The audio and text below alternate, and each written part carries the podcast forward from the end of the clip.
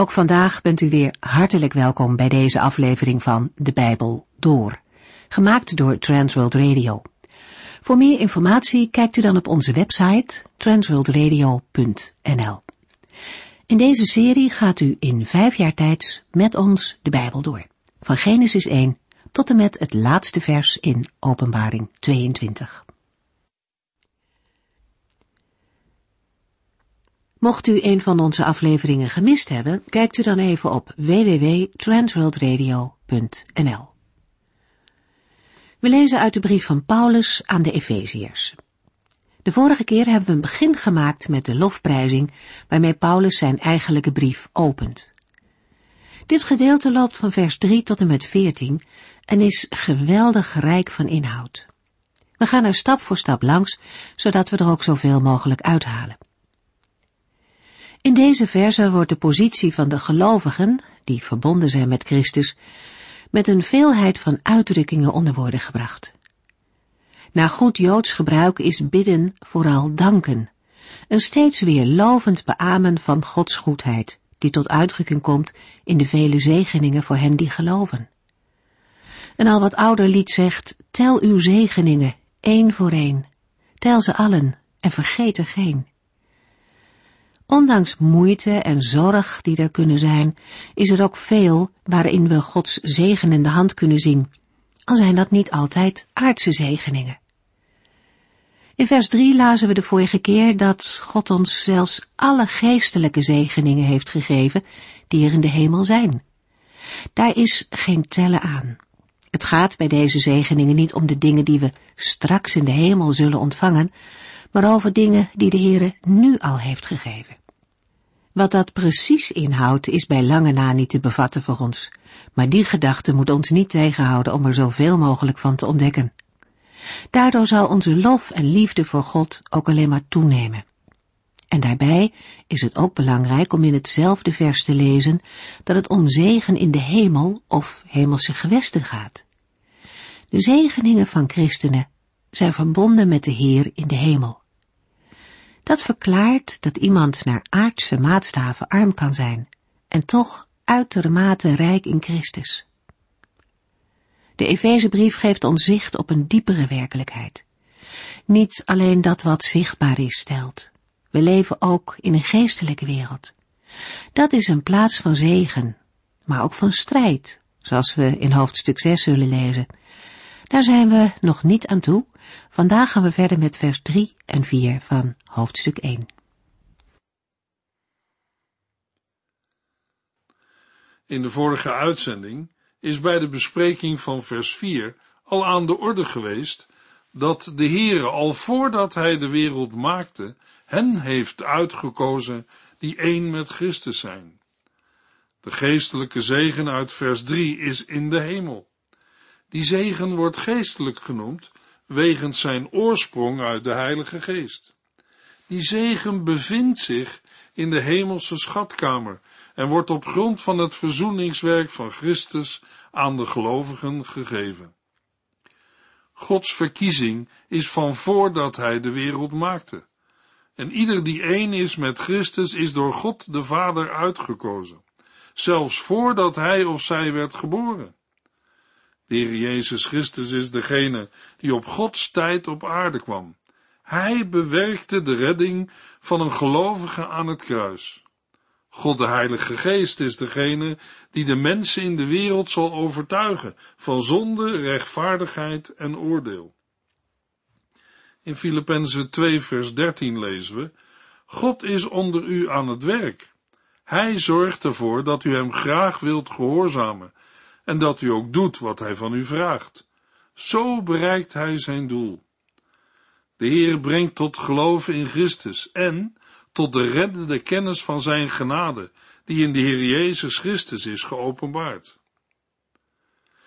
Ergens in een orthodoxe christelijke gemeente wilde een cursist van een alfa-cursus lid worden van de kerk.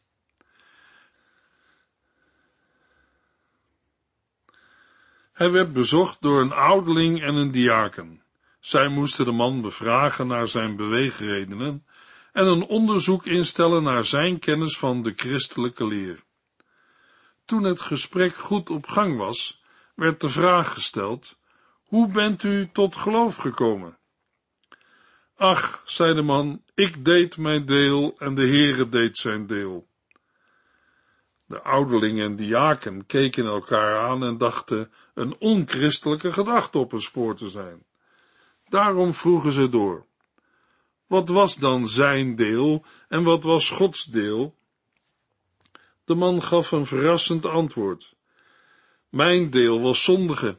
Ik rende van de Heere weg, zo snel als mijn opstandige benen mij konden dragen. Daarbij had mijn zondige hart de leiding weg van God, zo ver mogelijk. Maar weet u, de Heere ging achter mij aan en haalde mij in. Verloren en verdronken in de zonde lag ik midden in de dood. Toen heeft Hij mij gevonden en gered. De Heer is degene die redt. Hij gaf zijn zoon opdat een ieder die in hem gelooft niet verloren gaat. Ons deel is zondigen.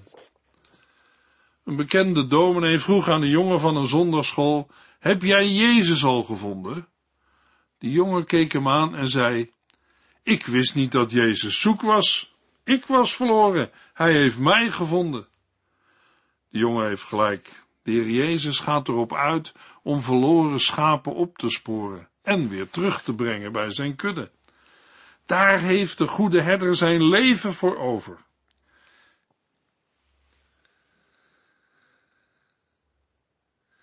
In 1 Timotheus 2, vers 4 tot en met 6 lezen we dat God wil dat alle mensen gered worden en het volgende zullen aannemen. Er is maar één God en er is maar één bemiddelaar tussen God en mensen, de mens Jezus Christus, die voor die bemiddeling zijn leven heeft gegeven. God heeft deze boodschap op het juiste moment aan de wereld bekendgemaakt. De Heere koos gelovigen in Christus voor de grondlegging van de wereld. Hij koos gelovigen niet omdat ze goed of beter waren dan anderen, niet omdat zij zich verdienstelijker maakten voor de mensheid of meer dan anderen een geweldige bijdrage leverden aan de leefbaarheid op deze wereld. Gods keuze was gegrond in zijn genade, op grond van het volbrachte werk van Christus. En ieder die in hem gelooft, gaat niet verloren, maar heeft eeuwig leven. De bekende Engelse predikant Charles Spurgeon zei eens, God koos mij voordat ik op de wereld kwam, omdat, als hij gewacht had totdat ik op de wereld was gekomen, hij me nooit zou hebben gekozen. De Heer Jezus zei tegen zijn volgeling in Johannes 15, vers 16 en 17, Jullie hebben niet mij uitgekozen, maar ik heb jullie uitgekozen. Ik heb jullie aangewezen om erop uit te gaan en blijvende vrucht voor te brengen, zodat de Vader jullie alles zal geven wat jullie hem vragen in mijn naam. Ik draag jullie op van elkaar te houden. Ook Israël is een voorbeeld van Gods verkiezing. We lezen het in Amos 3 vers 1 en 2. Luister, dit is uw vervloeking. De Heere heeft die uitgesproken tegen Israël en Juda, tegen het hele volk dat hij uit Egypte bevrijdde. Uit alle volken heb ik uitsluitend u gekozen. Daarom moet ik u des te zwaarder straffen voor al uw zonden. De Heere verkoos Israël in de tijd, en hij verkoos zijn gemeente bestaande uit Joden en niet-Joden in de eeuwigheid. In Handelingen 15, vers 16 tot en met 18 lezen we dat dit altijd al het voornemen van de Heer is geweest. De profeet Amos schreef namens God, ik zal terugkeren om het vervallen huis van David te herbouwen. Op de plaats van de ruïne zal ik een nieuw gebouw neerzetten, zodat de rest van de mensheid de Heere zal zoeken, alle vreemde volken die ik voor mezelf heb opgeëist dat heb ik mij vanaf het begin al voorgenomen. Er is niets onvoorziens gebeurd, waardoor de Heer zijn plannen moet herzien of zijn gedachten moet veranderen. De Heer deed alles met een doel. Wij zouden alleen van Hem zijn en volmaakt voor Hem staan. In een andere vertaling lezen we, opdat wij heilig en onberispelijk zouden zijn voor zijn aangezicht. De Heere koos de gelovigen om hen te heiligen. De Heere heeft in hun redding en heiliging voorzien, opdat zij geheiligd mogen zijn en zullen leven. Dat is de positieve kant van het doel dat de Heere heeft. Het heeft te maken met het innerlijke leven van een gelovige. Een onheilig leven past niet bij een heilige God. Daarom is een heilig leven door Gods verkiezing vereist. Daarmee moet direct duidelijk zijn dat een gelovige en door God verkozen mens maar niet kan doen wat hij of zij zelf wil. Paulus geeft erop een radicaal antwoord in Romeinen 6 vers 1 en 2. Wat betekent dat nu in de praktijk? Zullen wij doorgaan met zondigen om daardoor meer genade van God te krijgen? Geen sprake van. Als gelovigen zijn wij dood voor de zonde. Waarom zouden we dan nog zondigen? Ontvangen genade is geen vrijbrief om te zondigen. Als een mens blijft doorleven in de zonde, is dat een teken dat hij of zij een zondaar is die nog niet is gered. Zondaren die gered zijn, zullen een verandering in hun manier van leven laten zien. Volmaakt in vers 4 wordt in andere vertalingen aangegeven met heilig en onberispelijk.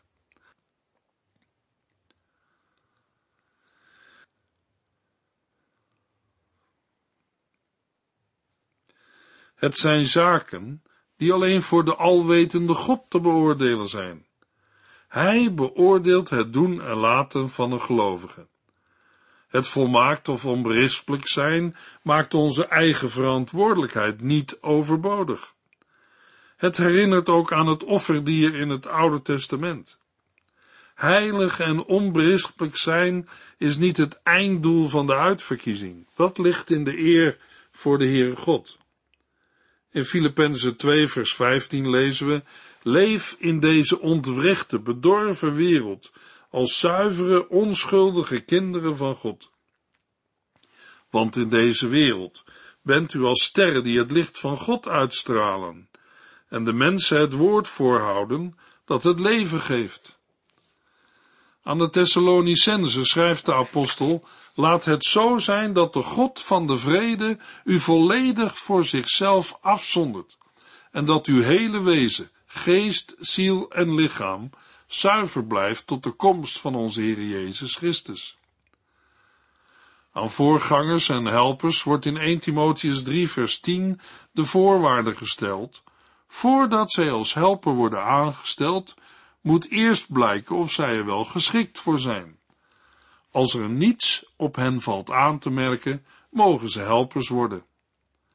Al deze teksten illustreren dat de Heere van zijn kinderen verlangt dat zij heilig en onberispelijk, volmaakt voor hem staan. Vanuit zichzelf krijgt geen enkele gelovige dat voor elkaar, maar in de kracht van de Heilige Geest wel.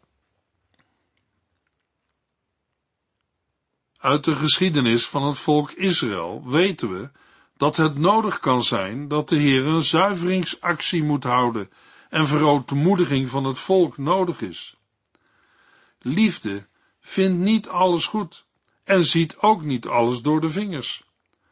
Schuldbeleidenis, vergeving en verzoening zijn dan nodig voor vernieuwing en herstel. De Heere wil dat zijn kinderen een leven leiden dat niet door zonde en vuiligheid wordt gekenmerkt. Johannes wijst namens de Heere de weg die gevolgd moet worden als iemand toch heeft gezondigd. 1 Johannes 2 vers 2 Jezus Christus is het offer voor onze zonden, en niet alleen voor de onze, maar ook voor die van de hele wereld. Juist dit laatste is een rechtmatig aanbod van de Heere zelf. Jezus Christus is ook voor uw zonde gestorven. Aanvaard Hem als uw persoonlijke heiland en verlosser. Daarbij hoeft niet eerst de vraag beantwoord te worden of u wel of niet bij de uitverkorenen hoort. De uitverkiezing is een zaak van de Heere. Een gelovige ervaart Gods verkiezing in zijn of haar leven vaak heel anders. Meer in de weg van verootmoediging, schuldbeleidenis en de vergeving van de zonde. Laten we terugdenken aan het gebed van David in Psalm 51, vers 10. Wilt u mij weer blijdschap en echte vreugde geven? Mijn lichaam en mijn ziel zijn terneergeslagen, maar u kunt mij weer oprichten en u laten prijzen. Welke blijdschap David bedoelt, lazen we Psalm 32. De blijdschap over de vergeving van zonden. Zolang ik mijn zonde niet beleed, kwijnde ik weg. Ik was de hele dag tot tranen toe bewogen. In vers 5 klinkt de verlossing. Toen heb ik u al mijn zonden beleden en niets voor u verborgen gehouden. Ik zei, ik zal de Heere alles opbiechten en toen hebt u mijn schuld vergeven. Luisteraar, dat is wat David het eerste heeft ervaren, de vergeving van zijn zonde. Mogelijk dat iemand vraagt, wat heeft dat met de verkiezing te maken? Luisteraar, u gelooft toch niet dat de Heer uw zonden vergeeft en u daarna uw hele leven in het ongewisse laat of u nu wel of niet uitverkoren bent? Wat is de vergeving van zonde anders dan de aanneming tot kinderen? De Heer Jezus nodigt u uit om door de smalle poort het koninkrijk van de hemelen binnen te gaan. Dat kan en mag de Heere zeggen, omdat Hij de weg naar en de deur tot het koninkrijk van de hemel is. In Matthäus 11, vers 28 tot en met 30 nodigt de Heer Jezus mensen uit om bij Hem te komen. Als u zijn woorden als een uitnodiging ontvangt en ervaart, dan mag ook u door zijn genade binnengaan. De Heere nodigt de mens niet uit om hem of haar daarna bij de deur weer terug te sturen. Er is geen andere weg en ook geen andere mogelijkheid. Niet door de smalle poort binnengaan is een daad van ongehoorzaamheid en een negeren of afwijzen van Jezus' uitnodiging om door de smalle poort het koninkrijk van de hemelen binnen te gaan dan ben je op de brede weg en kom je uit bij een wijde poort die naar de ondergang voert. Dat is niet door een kerk of een christelijke gemeente bedacht, maar zijn woorden van Jezus zelf in Matthäus 7. Op welke weg bent u, luisteraar? U hoeft echt niet bang te zijn dat u straks alleen in de hemel bent. De Bijbel vertelt in Openbaring 7, vers 9 en 10 Daarna zag ik een ontelbare menigte mensen. Zij kwamen uit alle rassen, volken, stammen en taalgroepen. Ze stonden voor de troon en voor het lam, met witte klederen aan en palmtakken in de handen. Ze riepen luid, onze redding komt van onze God, die op de troon zit, en van het lam. In het Oude Testament wordt het volk Israël door hun leider Jozua voor de keuze gesteld. In Jozua 24, vers 14 en 15 lezen we, Heb diep ontzag voor de Heere, en dien hem oprecht en trouw. Doe de afgodsbeelden die uw voorouders aan de Eufraat en in Egypte vereerden voor altijd weg. Aanbid alleen de Heere. Maar als u de Heere niet wilt gehoorzamen, besluit dan vandaag nog wie u wel wilt gehoorzamen. Zullen dat de goden van uw voorouders aan de overzijde van de Eufraat zijn, of de goden van de Amorieten in dit land? Maar ik en mijn gezin, wij zullen de Heere dienen. Luisteraar, de keuze van het volk Israël moest genomen worden onder andere omstandigheden, in een andere tijd en situatie. Dat neemt niet weg dat de dienaar van de Heere Jozua het volk wel voor die keuze stelde en er ook een keuze moest worden gemaakt. Vandaag is dat niet anders. Daarom, luisteraar, besluit vandaag nog wie u wilt gehoorzamen. Wat zou het prachtig zijn als wij van u hetzelfde konden zeggen als de apostel Paulus van de gelovigen in Thessalonica. Wij moeten God altijd voor u danken, vrienden. De Heer houdt van u Hij heeft u uitgekozen als de eersten in Thessalonica die gered zouden worden, om u voor zichzelf af te zonderen door de Heilige Geest en door uw geloof in de waarheid. Hij heeft u via ons het goede nieuws verteld en u geroepen om deel te krijgen aan de eer en macht van onze Heer Jezus Christus. Hij heeft u via ons het goede nieuws verteld en u geroepen om deel te krijgen aan de eer en macht van onze Heer Jezus Christus. Nee, dat is geen verdienste van een mens. Petrus schrijft in 1 Petrus 1 vers 2, God de Vader heeft u uitgekozen, omdat hij u al lang tevoren kende. De Heilige Geest heeft u afgezonderd om Jezus Christus te gehoorzamen en door zijn bloed gereinigd te worden. Ik wens dat u meer en meer de genade en vrede van God zult ontvangen. Het interessante uit al de geciteerde Bijbelteksten is dat verkiezing en heiliging samengaan. Beiden liggen verankerd in Christus. De apostel Paulus schrijft aan de gelovigen in Rome, denk maar eens aan wat hij tegen Mozes zei. Ik ben genadig voor wie ik genadig wil zijn, en ik ontferm mij over wie ik mij wil ontfermen. Het hangt er dus niet van af of u graag wilt of erg uw best doet. Nee, het hangt af van God, die het goede met ons voor heeft. Een ander voorbeeld vinden we in Handelingen 27. We hebben de geschiedenis bij de bespreking van het Bijbelboek Handelingen gelezen. Paulus is op weg naar Rome en komt dan met het schip in een vreselijke storm terecht. Het schip maakt slagzij en staat op het punt om onder te gaan. De bemanning had al lading overboord gegooid om het schip lichter te maken. Toen ging Paulus naar de kapitein en zei: Maar laat ook nu de moed niet zinken. Al zal het schip verloren gaan, niemand van ons zal hierbij het leven verliezen. Vannacht heeft er een engel bij me gestaan, een engel van de God aan wie ik toebehoor en die ik dien. Paulus, zei hij, wees niet bang, u zult voor de keizer terechtstaan. En ter wille van u zal God ieder hier aan boord in veiligheid brengen. Een prachtig voorbeeld van Gods verkiezing. Ter wille van u zal God ieder hier aan boord in veiligheid brengen. In wezen zegt de Heere tegen een verloste zondaar hetzelfde. Ter wille van Christus zal de Heere ieder die op Christus vertrouwt voor eeuwig in veiligheid brengen.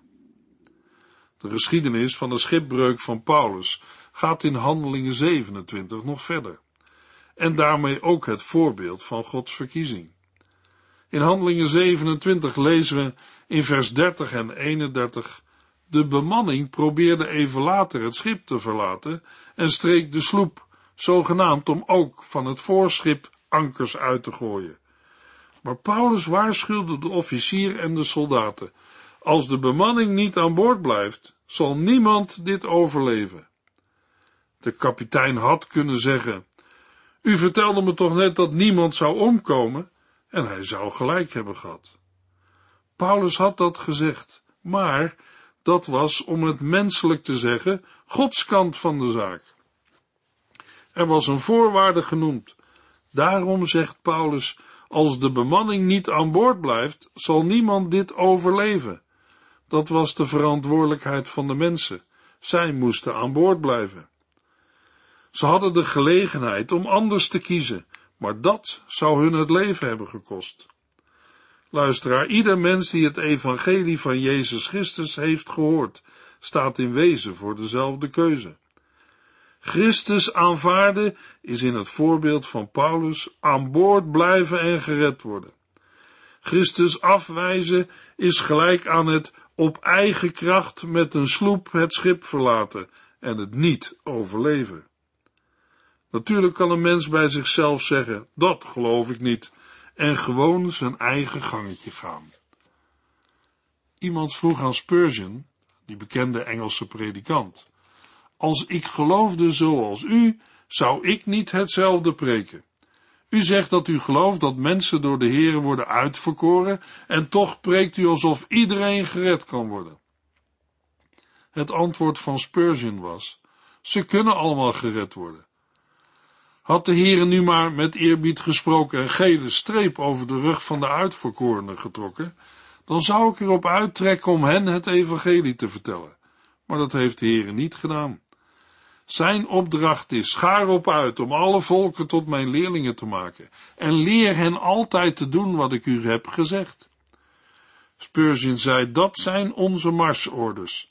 En wat mij betreft zal ik, totdat de Heere mij de lijst met de uitverkorenen geeft, dat evangelie prediken, opdat een ieder die in hem gelooft niet verloren gaat.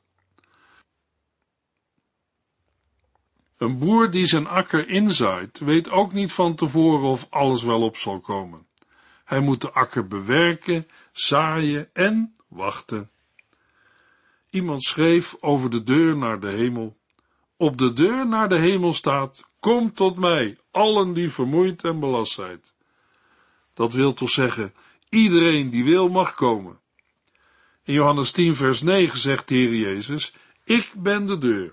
Als iemand door mij binnenkomt, zal hij behouden worden. De woorden allen en iemand geven geen beperkingen aan. Gods liefde gaat uit naar alle mensen, naar de hele wereld. Als een mens door zijn genade binnen mag gaan, zal hij of zij ontdekken dat er aan de binnenkant van de deur naar de hemel staat. Al voordat de Heere de wereld maakte, heeft hij u uitgekozen u die één met Christus bent. Ik heb de binnenkant van de deur naar de hemel nog niet gezien.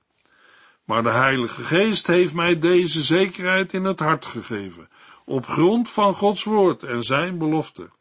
Ik ben er zeker van dat God op de grote dag van Christus Jezus het goede werk dat Hij onder u begonnen is, zal voltooien. In de volgende uitzending lezen we verder in Efeziërs 1, vers 5 en 6.